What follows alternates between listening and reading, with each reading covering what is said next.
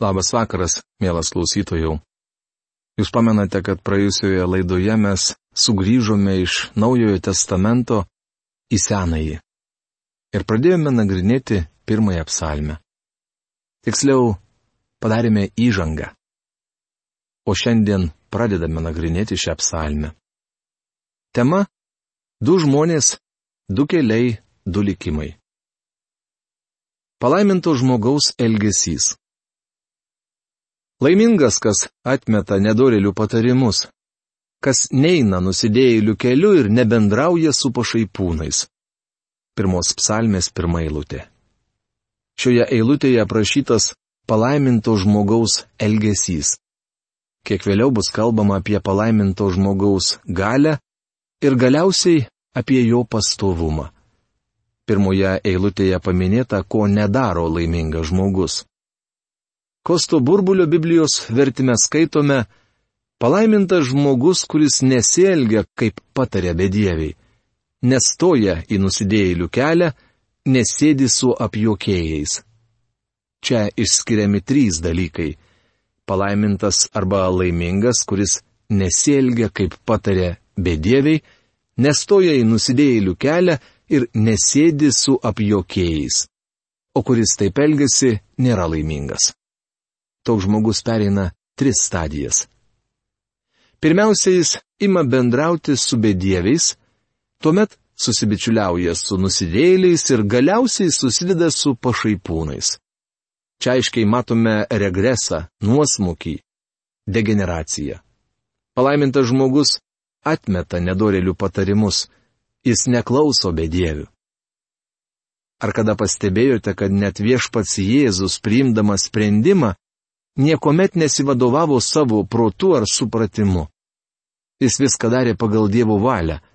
Jėzus niekada nesakė savo mokiniams vyručiai, mes vėl keliausime į Galilėją. Esu protingesnis už jūs. Todėl ilgai svarščiau ir nutariau, jog tai bus geriausia. Bent jau man taip atrodo. Netaip Jėzus kalbėjo savo mokiniams.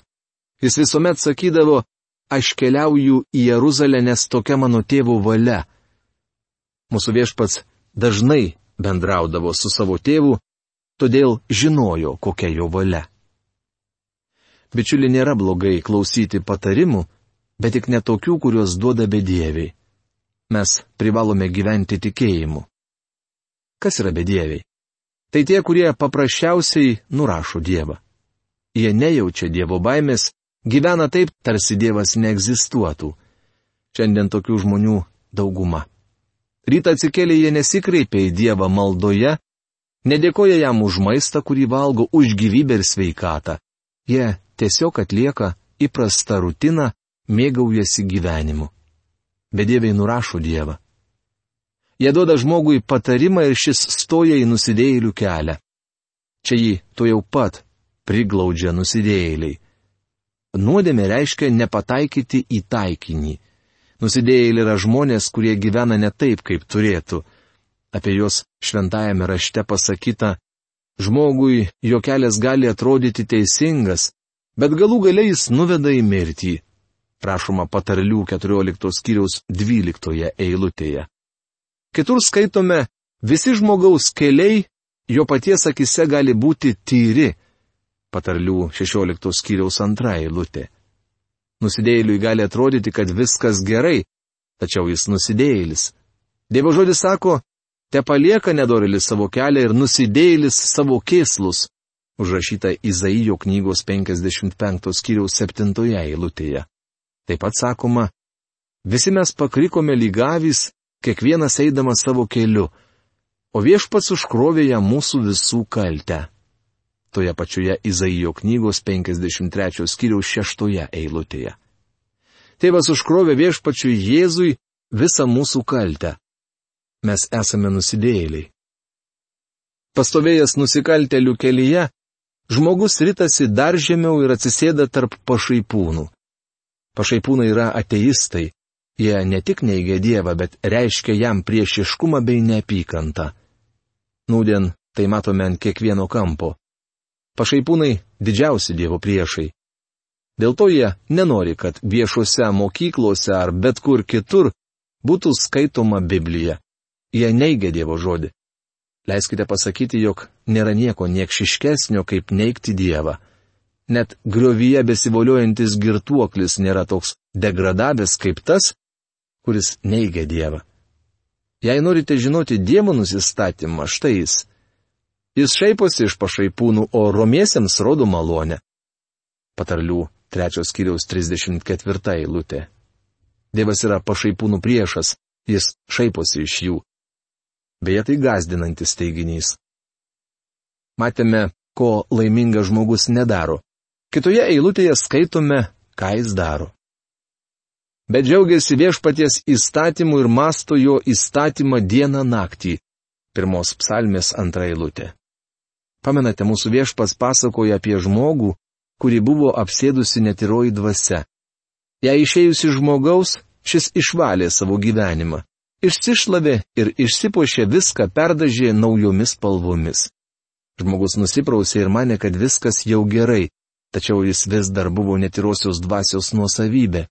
Galiausiai netyrajai dvasiai pabodo klaidžiuoti ir jis sugrįžo, su savimi pasiemusi kitas septynes dvasias dar piktesnės už save. Mums sakoma, jog paskui tam žmogui darėsi blogiau negu pirma. Daugelis žmonių mano, kad jiems tai reikia šiek tiek apvalyti savo gyvenimą. Tačiau paklausykite. Džiaugiasi viešpaties įstatymu. Dievo žmogus džiaugiasi viešpaties įstatymu. Kitaip tariant, jį džiugina Dievo žodis. O kad galėčiau įtikinti žmonės, kad Biblija išties jaudinanti knyga. Ji visai nenubodi. Skaityti ją nėra našta skaityti ir studijuoti Dievo žodį - tikras malonumas. Palaimintas arba laimingas, kuris džiaugiasi viešpaties įstatymu. Šiandieninės žmonijos tragedijos, ašaros, dūsavimai, dejonės, širdgėla, sielvartas, suirusios šeimos, sudužė gyvenimai tai Dievo įstatymų laužimo rezultatas. Dievo žodis pabrėžia, nes tai ir yra Dievo meilė vykdyti jo įsakymus, o jo įsakymai nėra sunkus, rašoma pirmame Jono laiške penktame skyriuje trečioje eilutėje. Dievo įsakymai tikintiesiems tai ne vien dešimt įsakymų, bet to jo įsakymai nėra sunkus.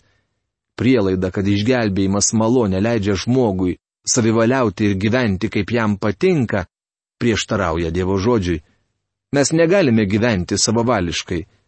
Iš tiesų, broliai, jūs esate pašaukti laisviai, Tik tai dėl šios laisvės nepataikaukite kūnui, bet stenkitės vieni kitiems su meilė tarnauti, rašoma Galatams laiško 5 skyriaus 13 eilutėje.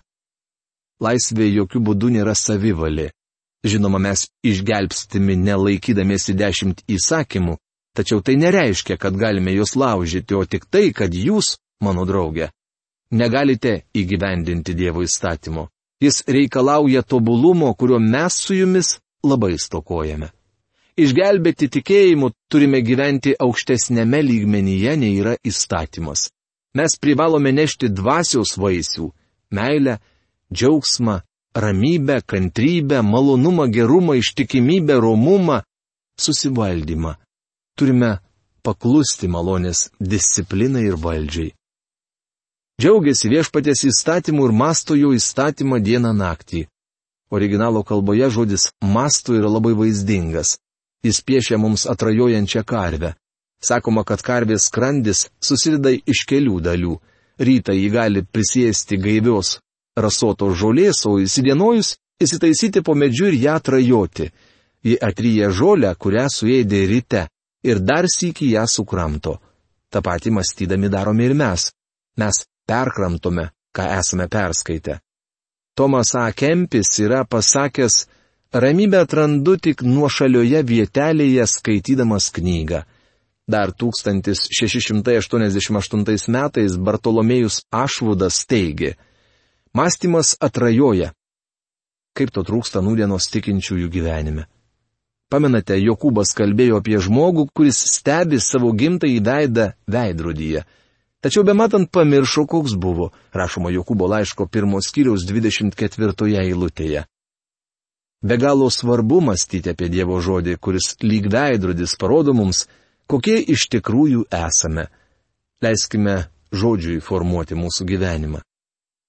ir masto jo įstatymą dieną naktį. Bičiuli, Dievas be savo žodžio nėra numatęs kito būdo, kaip jūs galėtumėte aukti ir stiprėti tikėjime. Nors bažnyčioje būtumėte užimtas kaip termitas ir galbūt duotumėte tiek pat naudos, kiek šis vabzdys. Tačiau veikla nepadės jums aukti.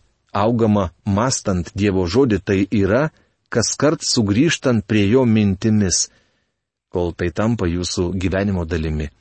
Taip elgesi laimingas žmogus. Palaiminto žmogaus gale. Iš kur jis semėsi jėgų?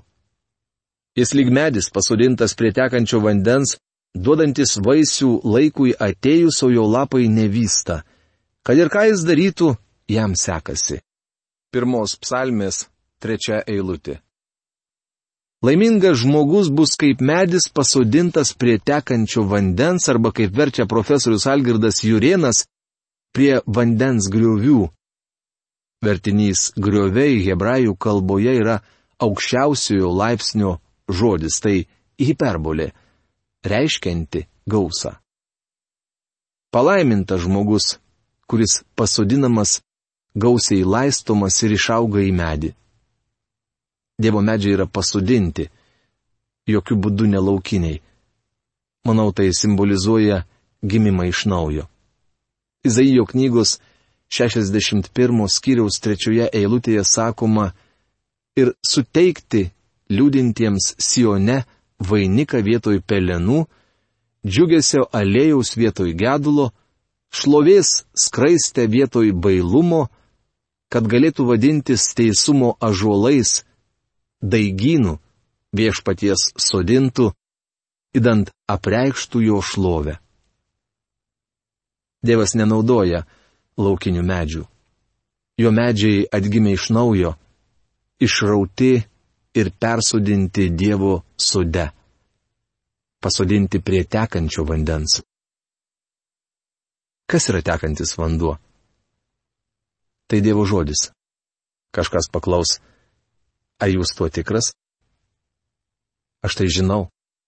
Matizaijo knygos 55 skyriaus 10-11 eilutėje sakoma, kaip lietus ir sniegas krintai iš dangaus ir negrįžta atgalios, kol nepalaisto žemės, kad joje dyktų ir želtų augalai, kad neštų sėklą sėjėjui ir duona alkanam.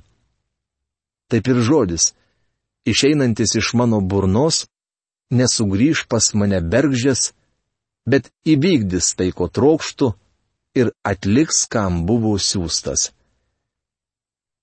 Dievas nori, kad jo žodis kristų iš dangaus kaip lietus. Radijas puikiai priemonė įgyvendinti šį siekį. Radio bangomis Dievo žodis pasiekia atokiausius kampelius. Mums reikia skleisti Dievo žodį o jis duos vaisių. Užaugins medžius. Taip pat pagirdys ir pamaitins. Bet o Dievo žodis apvalomus. Apie tai psalmininkas kalba 104 psalmės 16 eilutėje, kur sakoma, gausiai laistomi viešpaties medžiai ir Libano kedrai jo paties pasodinti. Psalmininkas nesako, kad Dievo medžiai yra vanduo bet kad jie gausiai laistomi. Kuo? Dievo žodžiu. Jo paties pasodinti Libano kedrai yra gausiai laistomi Dievo žodžiu. Kiekvienas medis duoda vaisių laikui atėjus. Įdomu pastebėti, kad Dievo medžiai ne visuomet aplipia vaisiais. Jie duoda vaisių atėjus laikui, Dievo žodžio gale.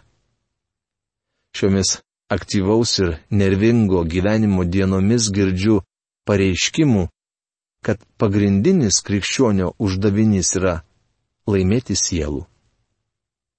Aš nesutinku. Dievo žodis to nemoko. Antro laiško korintiečiams antros skyriaus 14-16 eilutėse skaitome. Dėkui Dievui, kuris mus visuomet veda Kristaus pergalės eisenoje ir per mus visur skleidžia mielą savo pažinimo kvapą. Juk mes esame Kristaus kvapas Dievui tarp einančių į išganimą ir žengiančių į pražūtį. Vieniems mirties kvapas nešantis mirtį, kitiems gyvenimo kvapas vedantis į gyvenimą. O kasgi tinkama šiam uždaviniui? Aš tam netinkamas, bet žinau vieną, esu pašauktas skleisti Dievo žodį. Traukti žmonės prie Kristaus šventosios dvasios reikalas. Daugelis žmonių atsigrėžė į Kristų, klausydamiesi mūsų radio programų. Mane džiugina šis faktas. Tačiau tai ne mūsų darbas. Mes paprasčiausiai skleidžiame Dievo žodį, o Dievas laimi mums pergalę. Tarkime, kad niekas nepriimtų Kristaus. Tada mes esame gyvenimo kvapas išgelbėtiesiems ir mirties kvapas žūstantiesiems. Mano kaip ir jūsų pareiga yra skleisti Dievo žodį. Kai tarnavau pastoriumi, kviesdama žmonės priimti Kristų, sakydavau, Jei išeisite iš čia neišgelbėtas, vargas jums. Mat nebegalėsite Dievui pasakyti, jog negirdėjote Evangelijos. Tada aš tampu jūsų priešų, nes atsidūrę Dievo akivaizdoje nepasiteisinsite, kad niekada negirdėjote jo žodžio. Jūsų reikalas, bičiuli, skelbti žmonėms Dievo žodį, o ką jie darys, tai jau jų reikalas. Jie patys bus atsakingi prieš Dievą. Dievas ragina mus skleisti jo žodį. Jau daugelį metų stengiuosi tai daryti. Vieni įgyja išgelbėjimą, kiti ne. Daktarui Džordžui Truetui, švenčiant 50 tarnavimo metų sukaktuves pirmojoje baptistų bažnyčioje Dalose, Teksaso valstija, priejo prie jo labai žymus advokatas. Jis tarė, Džordžai, mes su tavimi į Dalasą atvykome dar tuo met, kai čia važinėjo arklių traukiamos karietos. Pasakysiu tau atvirai. Būdamas jaunas advokatas, ateidavau tavęs pasiklausyti. Nors tuomet dar buvai jaunas pamokslininkas, tavo žodžiai mane neramindavo. Dažnai sekmadienį, grįžęs namo po tarnavimo, negalėdavau bluosto sudėti. Bet šiandien, tęsė jis toliau, nors esi geriausias Amerikos pamokslininkas, galiu ramiai sėdėti ir klausytis tavęs, nes tavo žodžiai manęs daugiau nebejaudina. Tai pasakęs advokatas nusijokė ir nuėjo savo. Nenorėčiau būti jo vietoje. Kad ir koks jis protingas, neturės ką pasiūlyti Kristui, kai vieną dieną jam teks stoti prieš viešpatį, nes nesykiai klausėsi vieno iš geriausių Amerikos pamokslininkų. Daktaras Truetas buvo vadinamas sakyklos princu. Advokatas 50 metų klausėsi šio vyro, o tuomet pasakė, tavo žodžiai manęs daugiau nebejaudina. Daktaras Truetas įvykdė savo pareigą. Pagrindinis krikščionio uždavinys, bičiuli, nėra sielų laimėjimas, bet Dievo žodžio skleidimas. Dievo žodis duoda vaisių laikui atėjus. Mano sode auga mandarino medis, kuris vienais metais davė nepaprastai gausų derlių. Jo šakos tiesiog lūžo nuo mandarinų. Pusę jų nuskynė, o pusę palikau, tačiau po mėnesio ant medžio nebuvo nei vieno mandarino. Medis duoda vaisius tik nustatytų laiku. Tačiau prieš tai būtina atlikti paruošiamosius darbus, pasėti sėklą, prižiūrėti želmenis. Gal ir naudinga vienam kitam žmogui paduoti traktatą. Tačiau mūsų reikalas bičiulis kleisti gyvą į Dievo žodį, kuriam būtina priežiūra. Kad vaisius pasirodytų, atėjus derliaus metui. Reikia laiko ir pastangų. Dar psalmininkas sako, jo lapai nevysta. Lapai yra išorinis krikščionio liudijimas. Tai visą laiką turėtų matytis. Dievo medžiai visuomet žali. Jie niekada nepraranda savo liudyjimo. Mano bičiulis nuvykęs vasarą studijuoti į New Yorko seminariją, sykį nutarė apsilankyti vienoje iš didžiųjų šio miesto bažnyčių. Jis pasakojo man, nuėjau sekmadienį prie milžiniško bažnyčios pastato ir iš tolo virš įėjimo pamačiau iškaltą akmenyje užrašą dangaus vartai. Priejas arčiau išvydau lentelę, ant kurios buvo parašyta Liepos ir rūpiučio mėnesį bažnyčia uždaryta. Dažnai taip atsitinka ir atskirų krikščionių gyvenime. Tačiau tai būti neturėtų. Bičiuli, jūs visuomet žaliuojate. Jūsų lapai yra išorinis liudijimas apie Kristų. Visi Dievo vaikai yra nuolat žaliuojantys medžiai. Bet to dar sakoma, kad ir ką jis darytų jam sekasi. Senajame testamente Dievas žadėjo saviesiems materialių palaiminimų. Tačiau to nežada nūdienos tikintiesiems. Jei turite materialių palaiminimų, galite dėkoti Dievui už tai, kad davė daugiau negu žadėjo. Džonas Trepas yra pasakęs, materiali gerovė yra sveikintina, jei jį lydi artima ryšį su Dievu. Lygiai kaip ir nulis prirašytas prie kito skaičiaus jį padidina, nors pats jokios vertės neturi. Svarbiausia turėti Kristų, jis yra vienetas, o visi materialūs palaiminimai - nulis. Jei prieš jūsų nulius nėra vieneto, tuomet bičiulyje nič nieko neverti. Tačiau jei prieš savo materialius palaiminimus pastatysite Kristų, tuomet tikrai būsite palaimintas.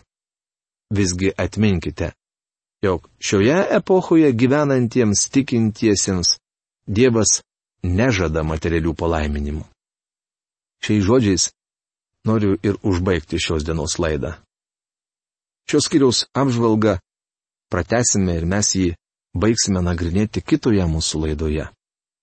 Iki kito sustikimo. Sudė.